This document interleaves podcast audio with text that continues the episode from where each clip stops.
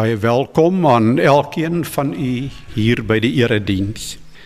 Dit is so vir ons hier by Kameeldrif lekker om al die luisteraars dwars oor die wêreld te verwelkom om saam met ons vanoggend te kom aanbid.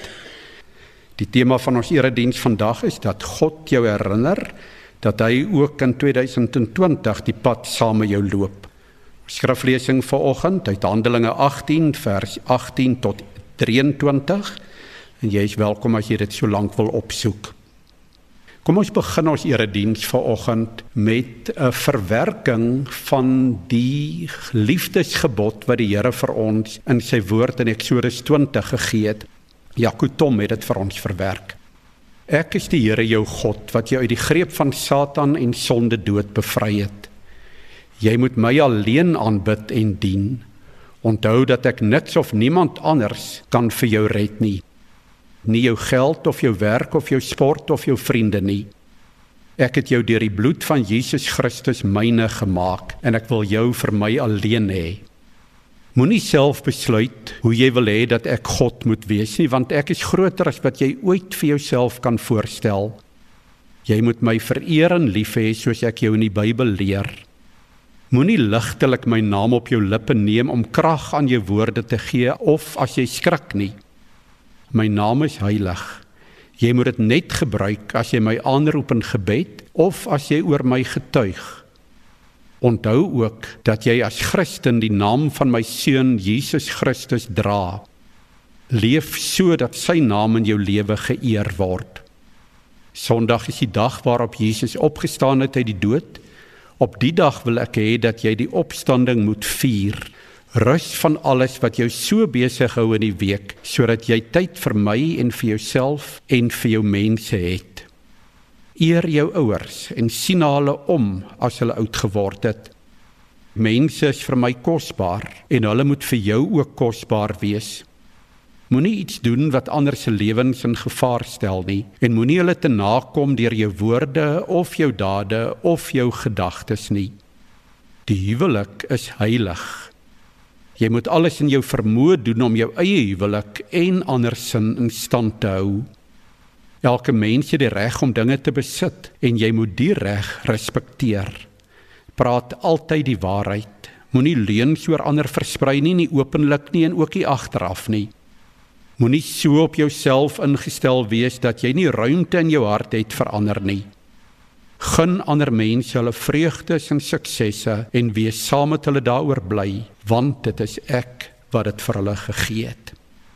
En dit is hierdie God, hierdie genadige God wat jou vanoggend ook groet.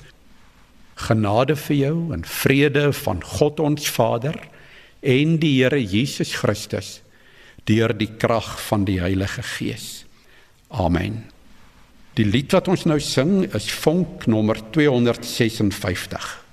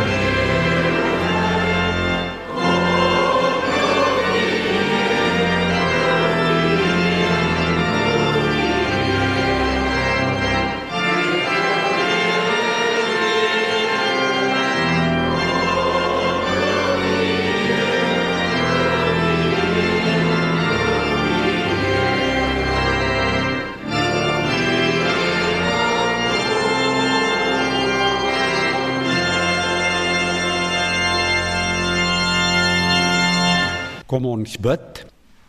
Here, U is vir ons die lewe. In U lig sien ons die lig. Dankie vir U woord en dat ons dit vandag kan lees in 'n taal wat ons verstaan. Gee dan nou vir ons oop ore dat ons kan hoor as U met ons praat. Gee vir ons verstande wat wakker en nugter is om U woord te oordink en te bewaar en gee vir ons oop oë dat ons die geleenthede kan raak sien om u wil te doen in Jesus naam. Amen. Kan ek vir jou vanoggend vra hoe voel jy oor die toekoms?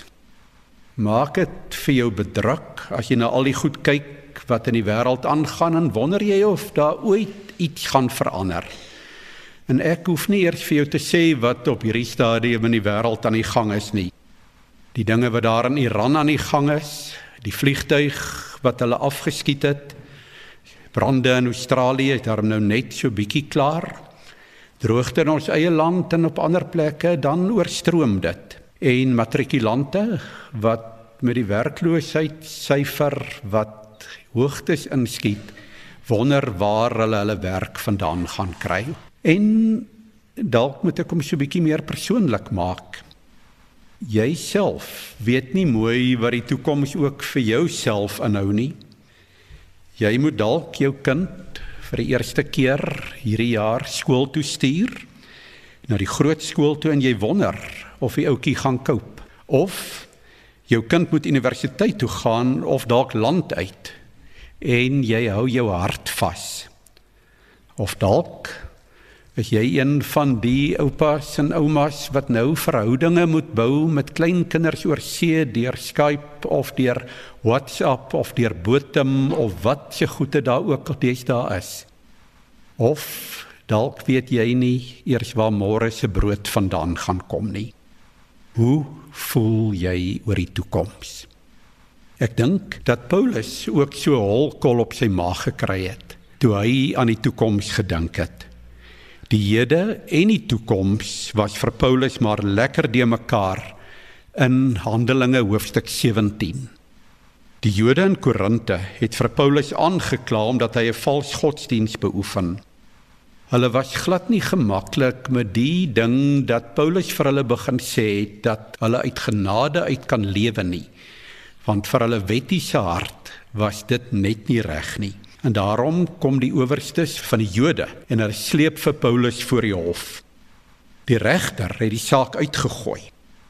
In sy uitspraak sê hy dat hierdie goed is wat gelowiges onder mekaar moet uitsorteer. As hy so na die aanklaers luister, sê die regter, hoor hy net 'n gerede kawel oor hulle eie wet en hy wil regtig nie by sulke sake betrokke wees nie. Hulle moet hulle eie goed uitsorteer en dan jaag hy hulle uit die hof uit mense het nie daarvan gehou nie en hulle doen wat ons mense vandag nog so goed kan doen. Hulle demonstreer. Hulle hou 'n opmars. Hulle begin om reg in eie hande te neem. En ons lees daar in Handelinge 17 dat hulle so kwaad word dat hulle vir Sostenus, die plaaslike sinagoge se hoof, gryp en hom daar voor die regbank aanrand. Nugter weet hoekom hulle dit doen. En dan kom ons nou by die gedeelte wat ons vanoggend saam gaan lees. Handelinge 18. Paulus besef dat sy tyd in Korinthe klaar raak. Hy moet vertrek. En kom ons lees daar van die 18de vers af. Nadat Paulus nog 'n tyd lank daar by die gelowiges in Korinthe gebly het, het hy van hulle afskeid geneem en saam met Priscilla en Aquila na Sirië toe vertrek. Voordat hy in Kensreë aan boord gegaan het, het hy sy hare laat afsny omdat 'n gelofte wat hy afgelê het vervul was. By die aankoms in Efese het Paulus sy reisgenote verlaat en in die sinagoge ingegaan waar hy met die Jode geredeneer het. Hulle het hom gevra om langer te bly, maar hy wou nie. Hy het van hulle afskeid geneem en gesê: "As God wil, kom ek terug na julle toe." Hy het van Efese af weggegaan en Caesarea aangekom. Daarvandaan het hy Jerusalem toe gegaan en die gemeente gegroet en toe na Antiochië toe vertrek waar hy 'n tyd lank gebly het. Daarna het hy weer vertrek en deur die landstreek van Galasië en Frigië gereis. Oral het hy die gelowiges geestelik versterk. Dit is 6 kort versies wat 'n reis van amper 6000 km beskryf. Van Korinthe af, eers Sirië toe en dan Jerusalem toe en dan 'n lang pad deur Antiochië totdat hy uiteindelik klaar maak. 'n Reis wat maande geduur het, 'n reis wat Paulus nie geweet het wat voor hom lê nie. Voordat Paulus egter in Korinthe op die skip geklim het, het hy eers gou haar kapper toe gegaan. Ons lees dit daar in vers 18 sê hy het sy hare gaan afsny. Hy het gedoen wat die meeste skoolseuns in die afgelope tyd voordat die skole begin het gedoen het. In lang toue gaan sit by haar kappers om daarom net bietjie netjies by die skool te kom. Ek onthou self jare gelede toe ek op skool was dat my pa ons drie seuns se hare gereeld afgesny het, poenskop. En dan na rukkie dan moet ons weer terugkom, kom by stoel toe en daar sit en dan word dit alweer gesny. Mense sny egter nie net hulle hare af om netjies te lyk nie. Partykeer sny mense hulle hare af ook om 'n standpunt te maak of om jou solidariteit met iemand te wys.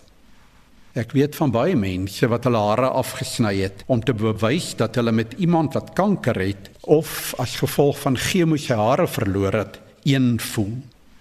Ek onthou ook die tyd en julle sal saam met my onthou so as dit 10 jaar gelede hier in Kameeldraf toe die misdaad so geweldig hoog hier was waar ons ook as 'n gemeente en as 'n gemeenskap gesê het ons vat dit nie verder nie. En hoe ons een Sondag daar by die kerk se deure uitgestap het, dan buitentoe gegaan het en daar ook van ons hare gaan afsny het.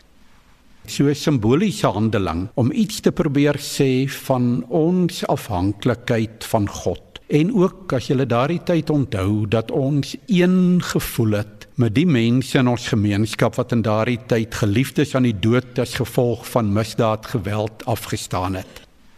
Paulus se haarsny was ook nie maar net 'n gewone haarsny nie. Dit was 'n haarsny met betekenis. Dit het iets te doen gehad met 'n belofte of 'n stuk toewyding wat Paulus aan God gemaak het.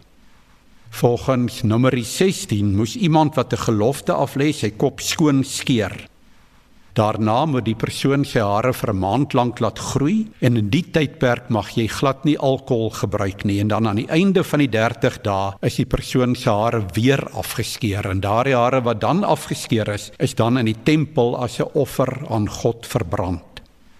Nou Paulus se haarsny en belofte wat hy gemaak het was volgens die reëls van Numeri 6 gedoen. Ek vermoed die vertaling van vers 18 wat praat van 'n belofte wat vervul was, is nie heeltemal korrek afgelei nie. Dit was eerder vir Paulus 'n moeilike tyd wat voorgelê het. En hy het dit gedoen om hom ook vir die reis voor te berei. Hy het 'n kontrak met God gesluit. Hy het sy lewe in God se hande geplaas En as hy dan so oor sy kop gevryf het en sy kaal geskeurde stoppels hare gevoel het, dan het hy onthou sy lewe is in die Here se hande. En soos wat hierdie hare van self groei, so voorsien God elke dag in dit wat Paulus nodig het. God is daar. Hy is daar in die dae op die oop see wanneer dit vir hom te lank word. Hy is ook daar by Paulus wanneer die gevare oor die pad kom. Soos wat God vandag nog by elkeen van ons is. Ook wanneer die misdaad en die werkloosheid en die honger en die spertye en die uitdagings kom. Hy is ook daar wanneer die opdraandes voor ons lyk asof ons nooit daaroor gaan kom nie. En wanneer Paulus dan so oor sy kop vryf en die haarstoppels voel wat hier en daar begin uitkom, dan onthou hy: Die Here is hier. Hy los ons nooit alleen nie. Miskien moet ek hier net 'n vinnige kant aantekening maak. Hoe meer ek met mense in my spreekkamer te doen het wat deur 'n een of ander krisis gegaan het, hoe meer kom ek agter mense word ontnugter in hulle geloof omdat hulle 'n skewe beeld van God het. Ons word baie keer geprogrammeer met mooi boekies en versies en kaartjies oor God. In plaas daarvan dat ons moeite doen om die God van die Bybel te leer ken. Kom ons en ons maak 'n karikatuur van God en ons dink hy is daar om na ons nikke en grille en behoeftes om te sien. Ons sit 'n verkeerde bril op wanneer ons na God kyk. En as ons dink dat ons net hard en aanhoudend moet bid en dat hy dan vir ons sal gee wat ons vra, dan gebeur dit nie. Die teendeel gebeur. Jy word siek. Jy bid vir genesing en dan gebeur dit nie. Jy raak ontnugter aan God. Of jy bid dat jou kind moet leef en dan gaan sy dood en dan word jy kwaad vir God of jy vra dat jou omstandighede moet verander, maar hierdie omstandighede raak net erger en erger. En dan blameer jy vir God.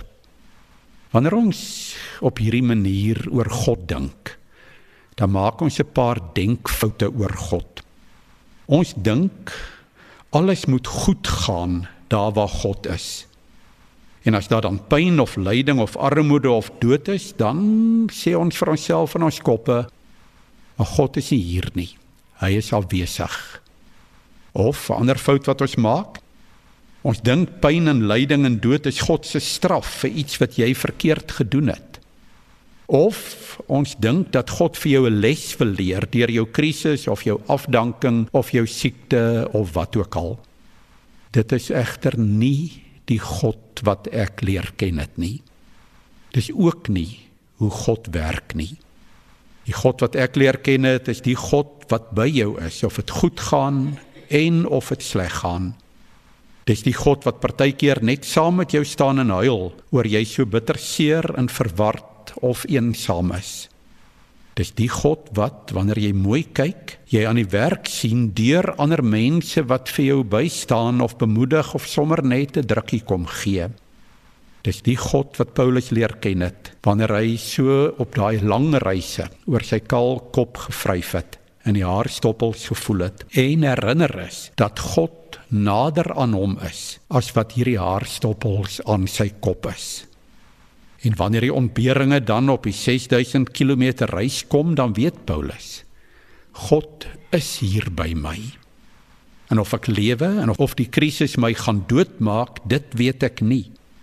Maar wat ek wel weet is dat God saam met my hierdeur sal gaan. Jy sien? Die ding van 'n haar sny is dat jy dit nie regtig kan wegsteek nie. Behalwe natuurlik as jy 'n lap om jou kop draai. Mense sien dit raak. En as jy alles afsny soos Paulus gedoen het, dan vra mense vra. Ek self sal weet Ek het nou al die afgelope 10 jaar nie meer haar op my kop wat ander mense kan sien nie. En met my eie kalkop het ek in die afgelope paar jaar al meer gesprekke oor my kop en my hare gehad as in al die jare voordat ek my hare afgesny het. Jy sien dit wat op jou kop aangaan maak jou redelik uniek. Of jy nou 'n kalkop het en of jou hare so welig groei dat dit in alle windrigtinge staan, dit maak jou uniek. Party mense het seker vir Paulus oor sy kaalkop gelag. En ander het hom gespot. Hy was nou anders en hierdie andersheid het nie maar net in sy hare gesit nie. Dit het op hierdie reis waarop hy gegaan het ook gesit in sy lewenstyl. Hy het voor sy lang reis 'n belofte aan God gemaak. Hy het onderneem om in die druk wat hy op die reis gaan ervaar, 'n kind van God te bly. 'n gelowige. Hy onderneem om anders te wees as die ander mense. Nou dit is nou nogal iets waarmee ons sukkel. Ouers hoor dikwels: "Maar my maats mag dit dan doen, hoekom mag ek dit nie doen nie?" Miskien het dit tyd geword dat ons ook vir ons kinders begin vertel: "Ons is anders." Hoekom moet ons altyd dieselfde wees as die res? Hierdie andersheid was nie net in Paulus se haarstyl nie maar dit was ook in sy lewenstyl. Paulus sou op sy op sy reis baie druk ervaar om soos die res te word. Hy sou baie druk ervaar om vir Christus te verloon. En nou Nou is ons hier aan die begin van 'n nuwe dekade en 'n nuwe jaar. En ons kan vir mekaar vra, gaan ons deel word van 'n meesleurende stroom waar as een klomp in die vuur spring, dat almal in die vuur gaan spring. Jy moet weet, die mense gaan vir jou lag omdat jy anders is. Hulle gaan vir jou lag omdat jy bid voor jy in 'n restaurant eet. Mense gaan vir jou vra, "Hoekom gaan jy nog kerk toe?" Of dalk, dalk gaan dit so voorspoedig met jou dat jy dink dat jy nie vir God nodig het nie. Ek hoop dat as jy in 2020 by die haarkapper kom en jou hare sny of dalk jou hare op 'n nuwe manier kap, dat jy sal onthou jy is anders. God het vir jou gesê dat hy by jou sal wees. Maar jy moet ook onthou deur jou manier van lewe getuig jy vir hom. Daarom hoop ek dat jy die manier hoe jy in 2020 gaan lewe dat jy sal wys dat jy 'n kind van God is. As iemand jou vloek, dat jy nie sal terugvloek nie. As iemand jou skel, dat jy sagte woorde en mooi dinge sal terugsê. As iemand jou haat, dat jy sal lief hê. En as jy 'n wrok in jou hart ronddra, dat jy dit aan die kruis van Jesus Christus gaan vasspyker. En ek hoop dat jy sal vergewe. Dat jy liefde en trou sal bewys en dat jy bedagsaam sal lewe voor jou God. Dalk dalk is dit hier aan die begin van 2020 tyd vir haar sny vir 'n kontrak met God. Kom ons plaas ons lewens en ons omstandighede vir hierdie jaar in God se hande. God sal voorsien net soos wat jou hare van self weer groei. En van ons kant af onderneem ons om so sy kinders te lewe. Amen. Kom ons bid nou 'n gebed wat Franciscus van Assisi daar in die 13de eeu al gebid het.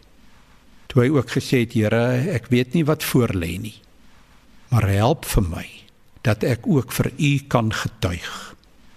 Here, maak van my 'n instrument van U vrede Waar haat is, laat my u liefde saai. Waar mense seer gekry het, help my om vergifnis te bewerk. Waar daar twyfel is, help my om sekerheid te bring. En waar daar wanhoop is, hoop, en waar daar donker is, lig. En waar daar hartseer is, vreugde. O Heilige Meester, gee dat ek nie so seer sal soek om vertroos te word nie, maar om ander te troos gee dat ek nie so seer sal soek om begryp te word nie, maar om ander te probeer verstaan, om bemin te word. Nie om bemin te word nie, maar om liefde te gee, want dit is alleen wanneer ons gee dat ons ontvang. En dit is wanneer ons self onsself vergewe dat ons ander se vergifnis kan ontvang. En dit is alleen wanneer ons self sterwe aan onsself dat ons gebore word tot die ewige lewe. Amen. Kom ons sing nou ons slotlied wat lied 507 wat sê u is in beheer, u sit op die troon.